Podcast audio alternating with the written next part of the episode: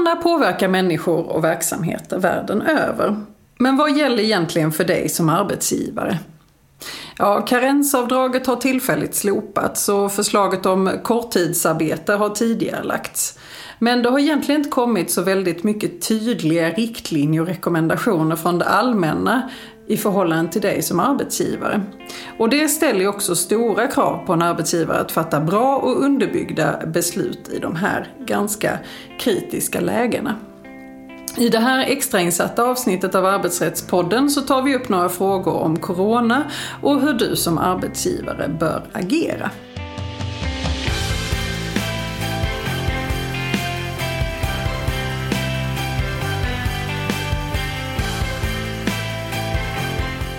Hej och välkommen till Arbetsrättspodden. Podden för dig som verkar inom HR eller hanterar personalfrågor i din vardag.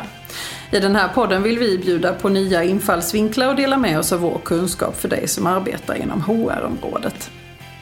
Jag heter Emelie Svensäter Jerntorp och arbetar som advokat inom arbetsrätt här på Vinge. Och med mig idag har jag min kollega Ingela Malmborg som är delägare och specialist inom arbetsrätt och som precis som jag arbetar på vårt Malmökontor. Hej Ingela!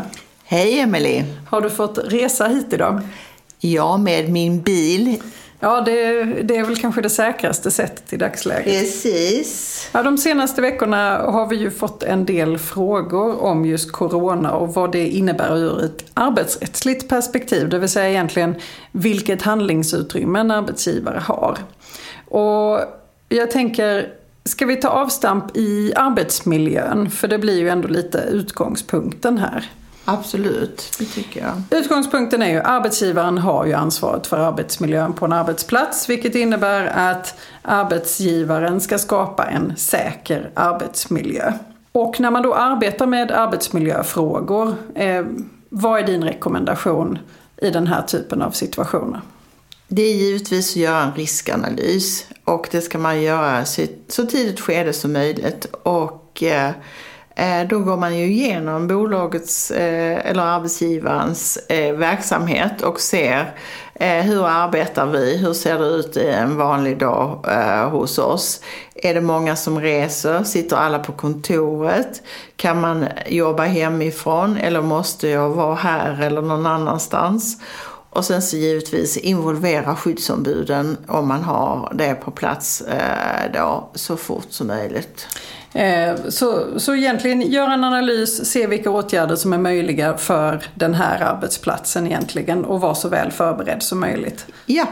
Det brukar vara sånt. Och sen eh, den här analysen och, och åtgärderna det brukar resultera i någon typ av riktlinjer och, och det har vi ju sett mycket av i, i förhållande till Corona. Man, eh, man försöker skicka ut information till arbetstagarna och ge dem information om, om hur Eh, Eh, man vill att man ska agera i de här olika fallen. Och det är ju bra att göra det så tydligt som möjligt. Vad jag brukar se, säga är att det, det, svåra där kan ju ofta vara att man inte eh, får alla att gå med strömmen. Eh, alla behöver ju följa riktlinjerna.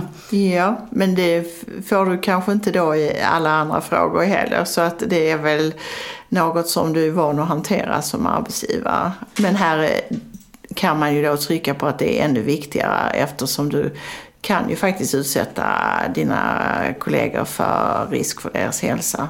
Och då hänvisa också till vad eh, Folkhälsomyndigheten och eh, regionen och smittskyddsläkarna skriver på sina hemsidor och den information du får ut. Men det gäller ju som sagt att sortera och vara noggrann med eh, den informationen du vidarebefordrar som arbetsgivare. Ja, och tänka igenom och fatta väl grundade beslut, ja. inte huvudlösa. Ja. Men det är egentligen det som är arbetsmiljön. Men om vi ska titta på några av de vanligaste scenarierna som eh, vi har fått frågor om hittills. Om vi säger så här, om den anställde konstateras vara sjuk och har fått eh, coronaviruset och insjuknat. Vad är det som gäller då? Då är det precis som vanligt som vilken annan sjukdom som helst. Arbetstagaren ska stanna hemma och få rätt till sjukpenning. Och just nu så är det ju dessutom eh, utan karensavdrag. Och då ska de ju såklart inte ha tillträde till arbetsplatsen. Nej, Nej. och de ska inte jobba hemifrån heller. Eh, men om den anställde inte faktiskt insjuknat eh, och därmed då inte får tillgång till eh, sjukpenning men ändå anses vara en så kallad smittbärare och därmed misstänker jag att en arbetsgivare kanske inte vill ha dem på arbetsplatsen. Vad, vad är det som gäller då? Eh, då kan den anställda få rätt till smittbärarpenning och eh, då gäller det att få tag i en läkare och få ett läkarintyg som eh, utvisar detta. Och då får du en ersättning som ungefär motsvarar sjukpenningen. Det är ju precis som om du är sjuk då så att du ska inte jobba hemifrån och eh, ja, du ska definitivt inte jobba på kontoret. Du är, eh, får inte eh, få tillträde till arbetsplatsen. Och de, de scenarierna är ju inte så konstiga men ifall vi tar det ytterligare ett steg bort. Om det är ett barn eller någon annan hushållsmedlem som är smittad Eh, men man själv har inte fått något läkarintyg och får därmed inte rätt till någon smittbärarpenning. Vad gör man då? Ja, eh, är barnet har det insjuknat så, och eh, det är de vanliga åldersgränserna med 12 år så är det ju vab som gäller såklart. Som om det är förkylning eller corona. Och då skall ju eh, föräldern vara hemma och ta hand om sitt barn. Det är inte hemarbete och det är ingen lön heller som utgår då utan då är det ju vab-ersättning som utgår. Men om det då inte är ett barn och det blir inte aktuellt med vab utan eh, eh, det kan vara någon annan hushållsmedlem som har blivit smittad och arbetsgivaren därmed vill att de stannar hemma, vad gör man då? Då är det ju, om hemarbete är möjligt, så måste man ju eh, försöka hantera den situationen och skicka hem datorer och annat. Och eh, är det inte möjligt med hemarbete eh, då är det ju vår rekommendation att arbetsgivaren säger åt arbetstagarna att stanna hemma men då får lön under tiden. Och ifall vi har en situation eh, som har inträffat på i vissa delar av, eh, av landet eh, eh att skolan eller förskolan är stängd eh, för barnen eh, och barnen. arbetstagaren därmed behöver vara hemma. Vad, vad, gör man i de situationerna? Barnen kanske inte är smittade eller... De är fullt friska. Ja. Ja. ja, då har vi semesterdagar som man kan plocka ut. Eh, man kan eh, jobba hemifrån om det är möjligt eh, eller ta ut föräldraledighet.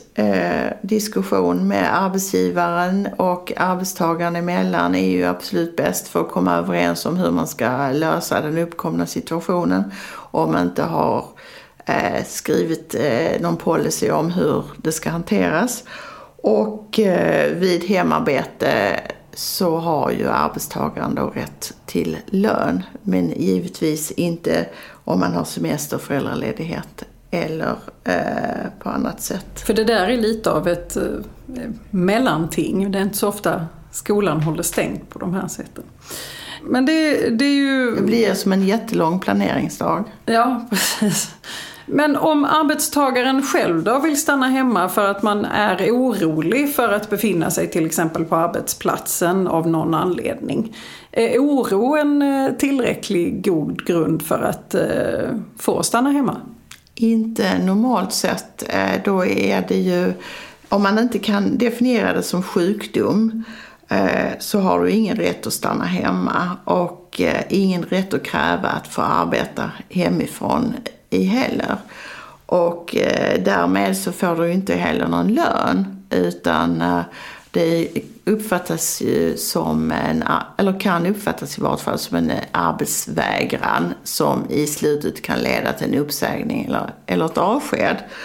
Eh, är eh, arbetstagaren mycket, mycket orolig bör den ju uppsöka läkare för att se om det är ett sjukdomsrelaterat beteende, här, den här oron. Och i de här situationerna är det ju såklart bra att vara lite pragmatisk som eh, arbetsgivare och ta diskussionerna med arbetstagaren såklart.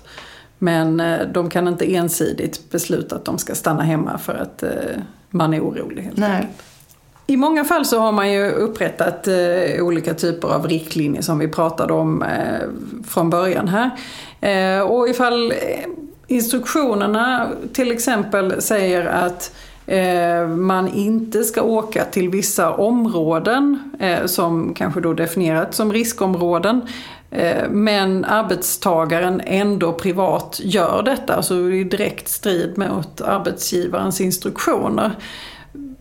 Vad kan man göra i de lägena? Kan man, kan man dra in lönen under de här tiderna eller kan, man, kan, kan det vara grund för uppsägning? Nej, det kan det inte om det inte är ett sånt eh, speciellt beteende som skulle vara att man eh, som arbetstagare bryter mot lojalitetsplikten för eh, arbetsgivaren. Till exempel att man behöver stänga ner en, en hel avdelning om det är särskilt, alltså jag tänker då eh, olika eh, tillståndsverksamheter eh, som skulle kunna eh, vara där man säger att nej men den här personen det gör att ni måste stänga ner en större del av verksamheten. Så då har man egentligen i instruktionerna också förklarat detta för arbetstagarna? Det får vi hoppas. Får vara, ja. precis. Men, men det är ju undantagsfallet ja. så utgångspunkten är att nej, eh, det går inte att göra det. Utan nej. Precis. Då är man, eh, har man inte de möjligheterna ändå. Det här är egentligen en sammanfattning av de vanligaste frågorna som vi har fått hittills. Eh, och om vi ska ge någon slutrekommendation i eh, hur, man, hur man ska resonera i de här fallen. Eh, har du någon riktigt sån bra som du skulle vilja skicka med? Alltså det, det, man måste tänka på det är ju sunt förnuft i första hand och, eh, och, för, och, försöka föra en konstruktiv dialog med arbetstagaren. Hur ska vi lösa den uppkomna situationen? Om eh, den inte faller inom de riktlinjerna som precis ni har, förhoppningsvis har tagit fram. Utan eh, det var lyhörd men ändå var mån om att undvika, försöka undvika smittspridning i största möjliga mån. Tusen tack för det Ingela. Tack själv.